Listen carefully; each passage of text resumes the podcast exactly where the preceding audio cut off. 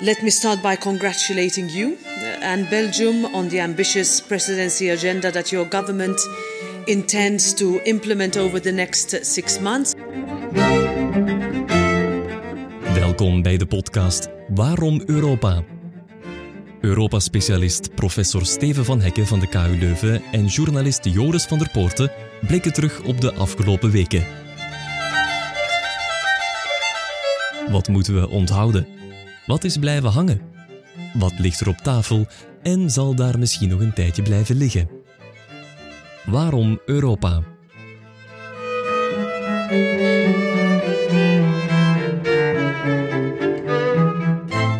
We blikken ook dit jaar om de vier weken terug op de afgelopen maand in Europa. Intussen in de laatste rechte lijn richting verkiezingen. En terwijl sommige politici, zelfs al hebben ze een topfunctie, zich afvragen of ze aan die verkiezingen gaan deelnemen, of zich afvragen wat ze nadien gaan doen, blijven heel wat dossiers om aandacht vragen. Landbouw of geopolitiek bijvoorbeeld. Ik praat erover met Steven van Hekken en zoals steeds ook een gast, journalist Camille Vermeijlen van KNAK. Dag Steven, dag Camille. Dag Joris. Dag Joris. We hoorden in het begin van deze aflevering parlementsvoorzitter met Sola felicitaties overmaken aan de Belgische premier De Croo bij zijn bezoek aan het Europees Parlement om daar het Belgische voorzitterschap van de Unie voor te stellen. Dat is op 1 januari officieel begonnen. We have made a priority list of approximately 60 uh, legislative files that we would like to uh, to come to uh, to uh, to conclude.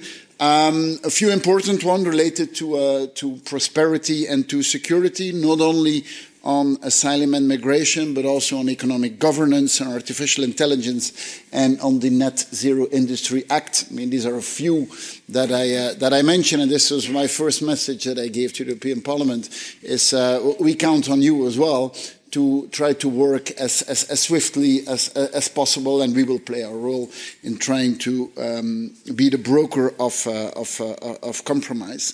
België als bemiddelaar van het compromis om zo 60 Europese wetten af te werken. We zijn nu een maand bezig, Steven. Hoe maak jij tot nu toe de balans op van dat voorzitterschap? Het is natuurlijk nog vroeg. Hè. Eigenlijk is nog maar de eerste helft van de eerste helft. We weten dat het voorzitterschap uiteenvalt in twee periodes. De eerste periode nu is de eindsprint van alles wat uh, wetgevend nog op de plank ligt. En inderdaad, zoals de eerste minister zegt, er moet nog heel wat gebeuren. Spanje heeft ook nog een eindsprintje gedaan, waardoor dat toch nog minder op de tafel ligt. De vorige voorzitter. Ja, klopt.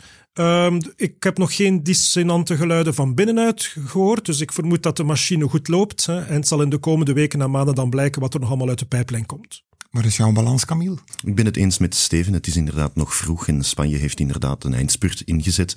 En ook België kan dat nog doen. Er zijn nog een aantal dossiers, belangrijke dossiers. Um, de Natuurherstelwet, de Net Zero Industry Act, die, uh, die, die nog overeen moeten worden gekomen. En bovendien uh, werken we inderdaad mee aan die strategische agenda en we zullen eigenlijk pas aan het begin van de volgende Europese Commissie en nadien zien welke blauwdruk België tijdens het voorzitterschap inderdaad heeft achtergelaten. Maar dan is het natuurlijk achter de rug en gepasseerd. Hè? Inderdaad. Ja, het is de kroon niet gemakkelijk gemaakt bij de start van dat voorzitterschap. Het is namelijk doorkruist met deze aankondiging op een event van de MR, de Franstalige Liberalen.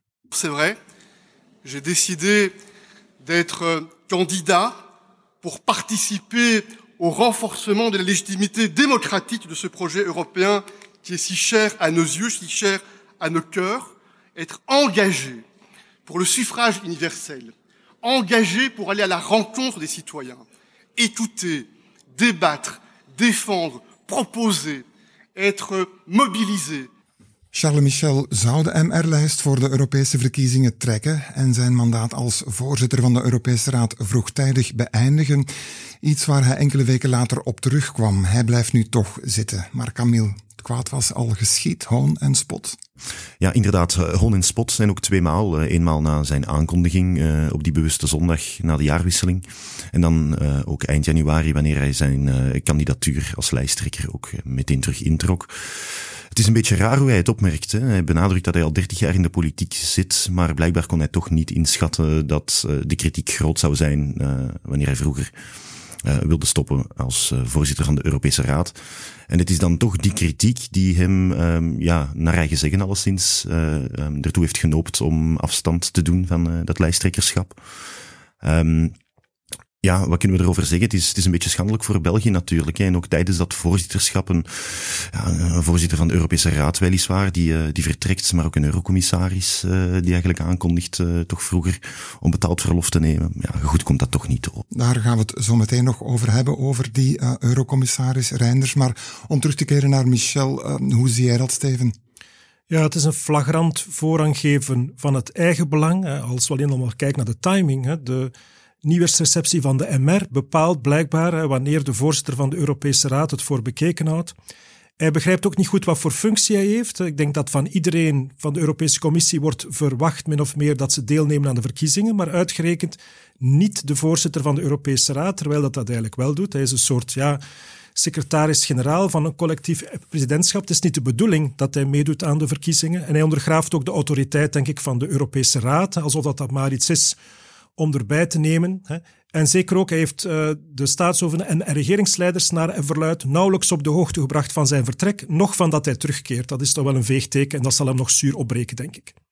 Ja, dat klopt inderdaad. Hij heeft enkel een berichtje gestuurd naar de medewerkers, of toch naar bijna alle medewerkers van de staatshoofden en regeringsleiders. De rest uh, ja, heeft er misschien met één of twee contact gehad in het beste geval. En het is ook opvallend, hè, zijn aankondiging dat hij uh, zich kandidaat wilde stellen voor het Europees Parlement, um, kwam er met het argument dat hij um, ja, zich democratisch wilde verantwoorden aan het Europese kiespubliek. En ja, enkele weken later blijft er van dat argument helemaal niks meer over. Uh, en ja, trekt hij dat ook ja, gewoon zomaar terug. Maar kan hij nu nog functioneren? Hij gaat nu niet deelnemen aan de verkiezingen, gaat zijn mandaat toch uitdoen. Maar op welke manier, Steven? Wel ja, zelfkritiek, dat gaan we dus niet snel van hem horen heeft ook al heel veel krediet verloren bij Belgische diplomaten, zelfs bij zijn liberale vrienden, die het ook niet meer voor hem zullen opnemen. Dat is wellicht ook een van de redenen waarom hij het uiteindelijk voor bekeken houdt. Ik denk dat hij, verzwakt aan de laatste maanden komt. Dat hij in het beste geval gedoogd zal worden door de staatshoven en regeringsleiders. Hopelijk ook nuttig. Hè. Uh, maar dat hij ook niet meer zal wegen hè, op de toekomst van de Europese Unie, laat staan op de verdeling van de topposities. Ik ben het daarmee eens. Uh, het is natuurlijk zo dat in de eerste plaats de, staatshoofden en regeringsleiders liever Charles Michel in het zadel hebben geholpen. En bovendien in uh, 2022 zijn mandaat ook nog eens hebben verlengd. Dus hem nu wandelen sturen is toch ook een beetje een uiting van enige zelfkritiek. Ja, en er is, zoals je zei, niet alleen Charles Michel, die ja, voor twijfel heeft gezorgd. Ook Eurocommissaris Didier Reinders, ook al van de MR, ja, die heeft zijn oog laten vallen op een andere job. Hij wil secretaris-generaal worden van de Raad van Europa. Nu, voor een goed begrip, Steven, dat is geen instelling van de Unie. Hè? Nee, een andere internationale organisatie met zetel te Straatsburg, die inderdaad dikwijls wel verward wordt met de Raad van Ministers en zeker de Europese Raad, maar eigenlijk staat het volledig los van de Europese Unie.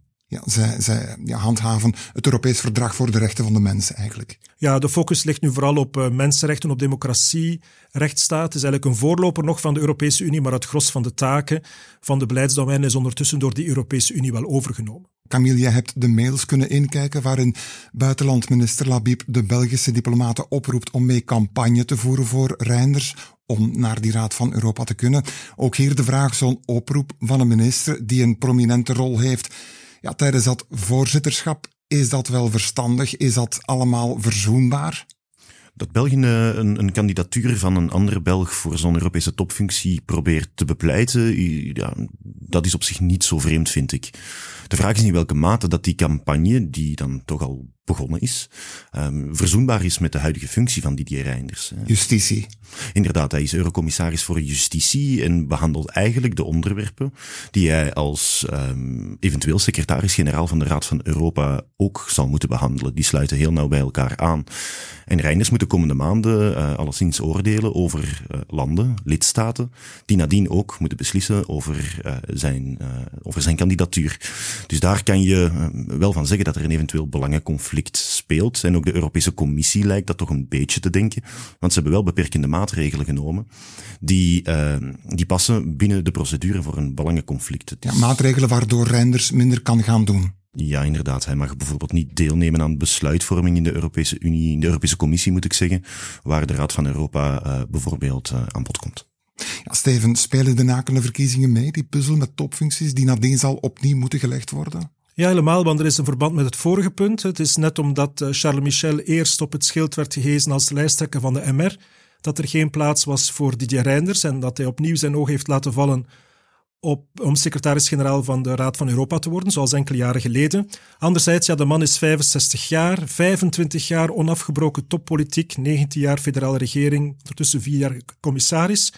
Ja, blijkbaar is het toch nog niet genoeg. Ook bizar voor een liberaal, die altijd de mond vol hebben van vrij ondernemerschap, niets van de overheid willen verwachten, maar als puntje bij paaltje komt, toch blijkbaar nergens anders hun talenten kwijt kunnen. Dan bij de overheid. Inderdaad.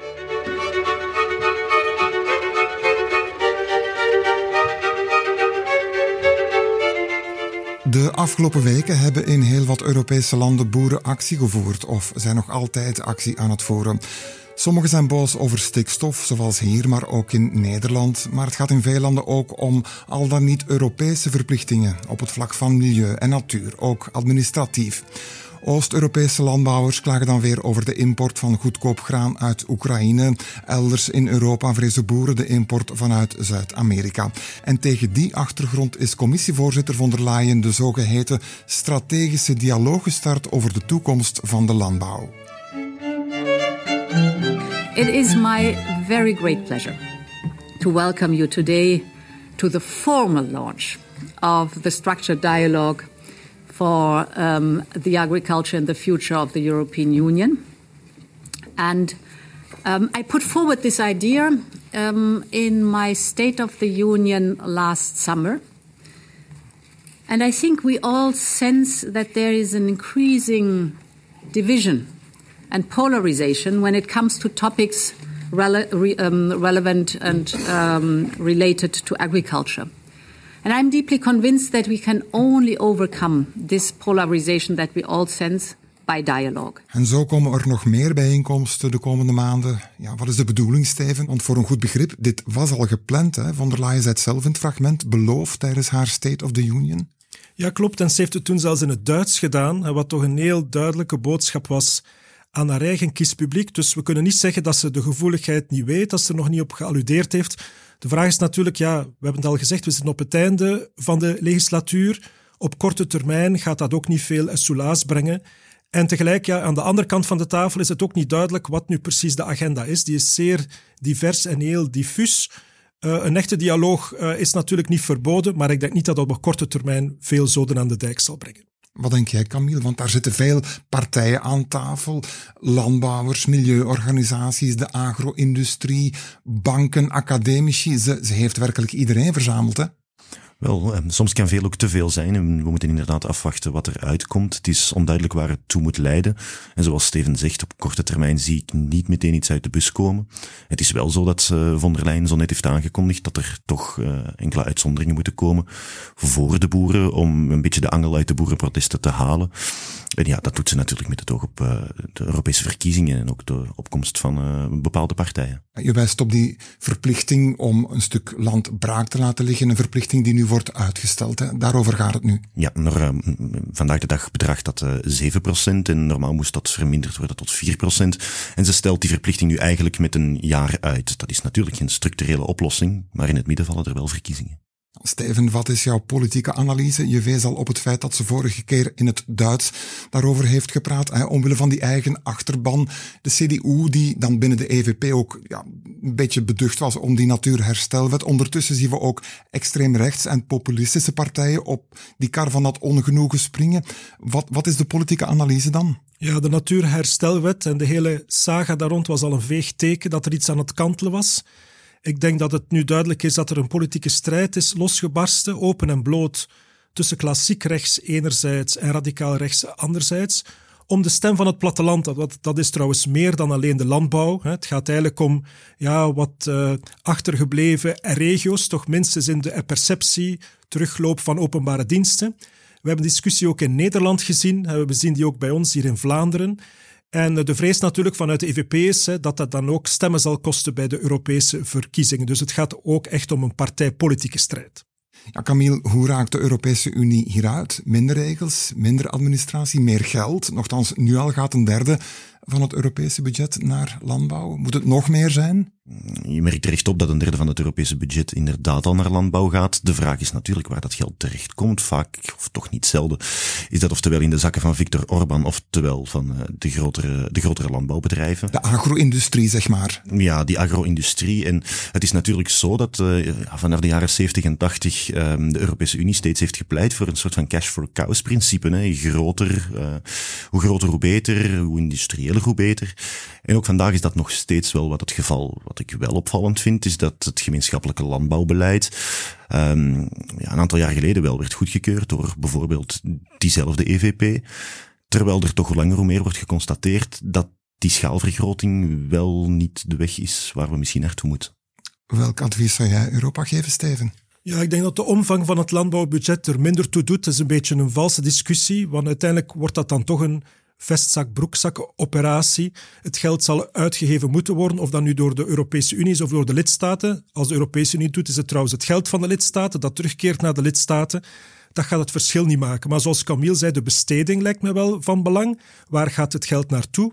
En dat moet nu echt op tafel komen. Er moet een duidelijk toekomstperspectief komen, een stabiel kader, een soort groot pact, waar ook de onderlinge solidariteit in de landbouwsector wordt bijgesteld. Want het is niet de agro-industrie die nu protesteert. Het zijn blijkbaar ook niet de landbouworganisaties. Het is van onderuit. Dus dat betekent dat daar echt iets scheef zit. En het wordt hoog tijd dat dat wordt rechtgezet.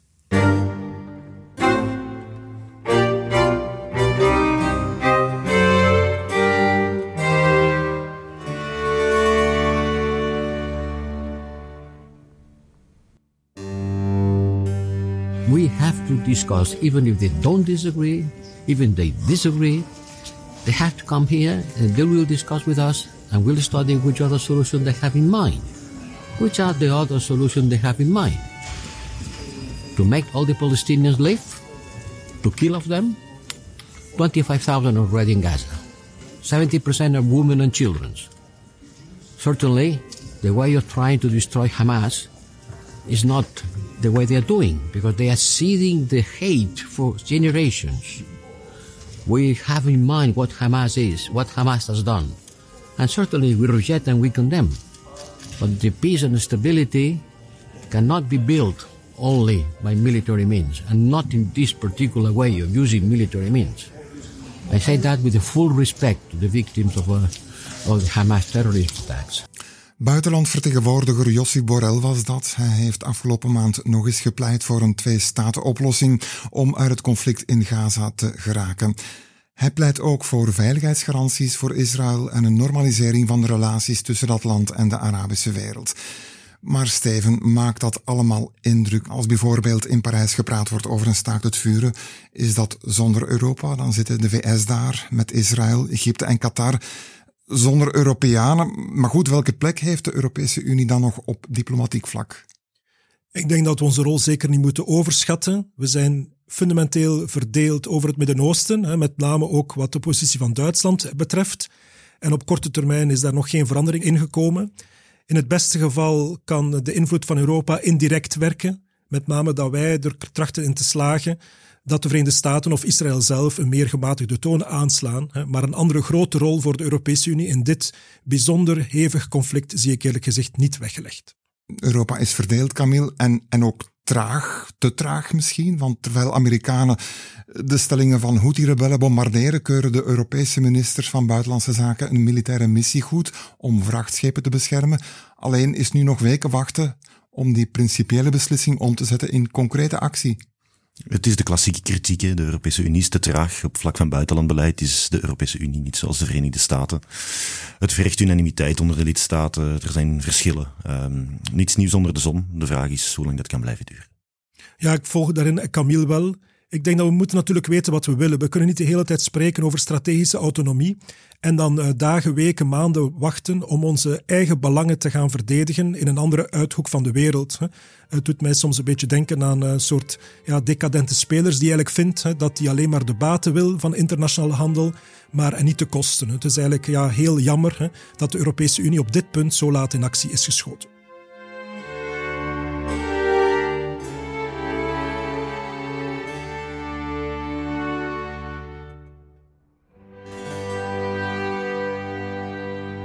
Dan nog dit. Begin januari is in het Europees Parlement afscheid genomen van voormalig commissievoorzitter Jacques Delors.